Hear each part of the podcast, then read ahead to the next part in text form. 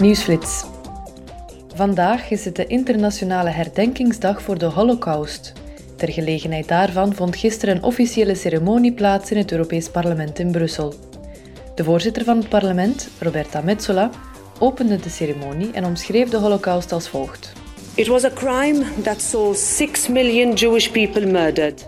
Het was een misdaad waarbij 6 miljoen Joden om het leven werden gebracht omdat ze Joods waren, waarbij Roma en Sinti tot doelwit werden, waarbij LGBTI-gemeenschappen werden uitgeroeid en zoveel anderen werden vernederd en vermoord vanwege hun etniciteit, handicap, identiteit, ras of geloof.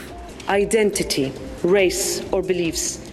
Ze voegde eraan toe: Even if it is hard to describe these crimes, ook al is het moeilijk om deze misdaden te omschrijven, moeten we erover blijven praten en ze nooit vergeten. We moeten dat blijven doen omdat onze generatie de laatste generatie is die uit de eerste hand verhalen van overlevenden van de Holocaust zal kunnen horen. Er wacht ons een nog grotere taak wanneer de stemmen van die overlevenden niet meer gehoord kunnen worden. Het is onze verantwoordelijkheid om te herdenken en getuigenissen door te geven aan toekomstige generaties. And pass down testimonies to future generations.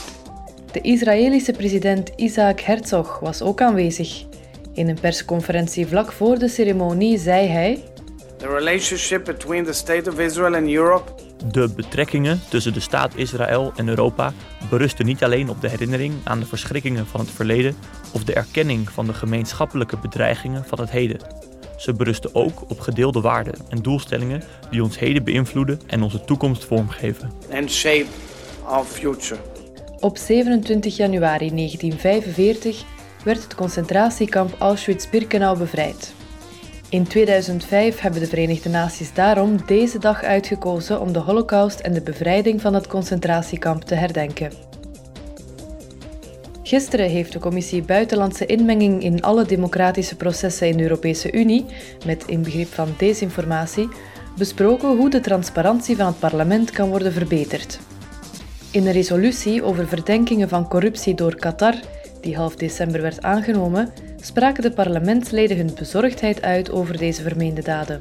Het witwassen van geld en deelname aan een criminele organisatie door leden, voormalige leden en personeel van het parlement, in ruil voor invloed op de besluiten van het parlement. In de resolutie werd tot meer transparantie en verantwoordingsplicht in de Europese instellingen opgeroepen. Deze week steunden de parlementsleden plannen om de aanvoer van chips in de EU te waarborgen. Het doel hiervan is de productie en innovatie te stimuleren en noodmaatregelen te nemen tegen tekorten. De Commissie Industrie, Onderzoek en Energie nam twee wetsontwerpen aan. De zogenaamde Chips Act, die de technologische capaciteit en innovatie moet versterken, en een tweede om investeringen in de sector te stimuleren.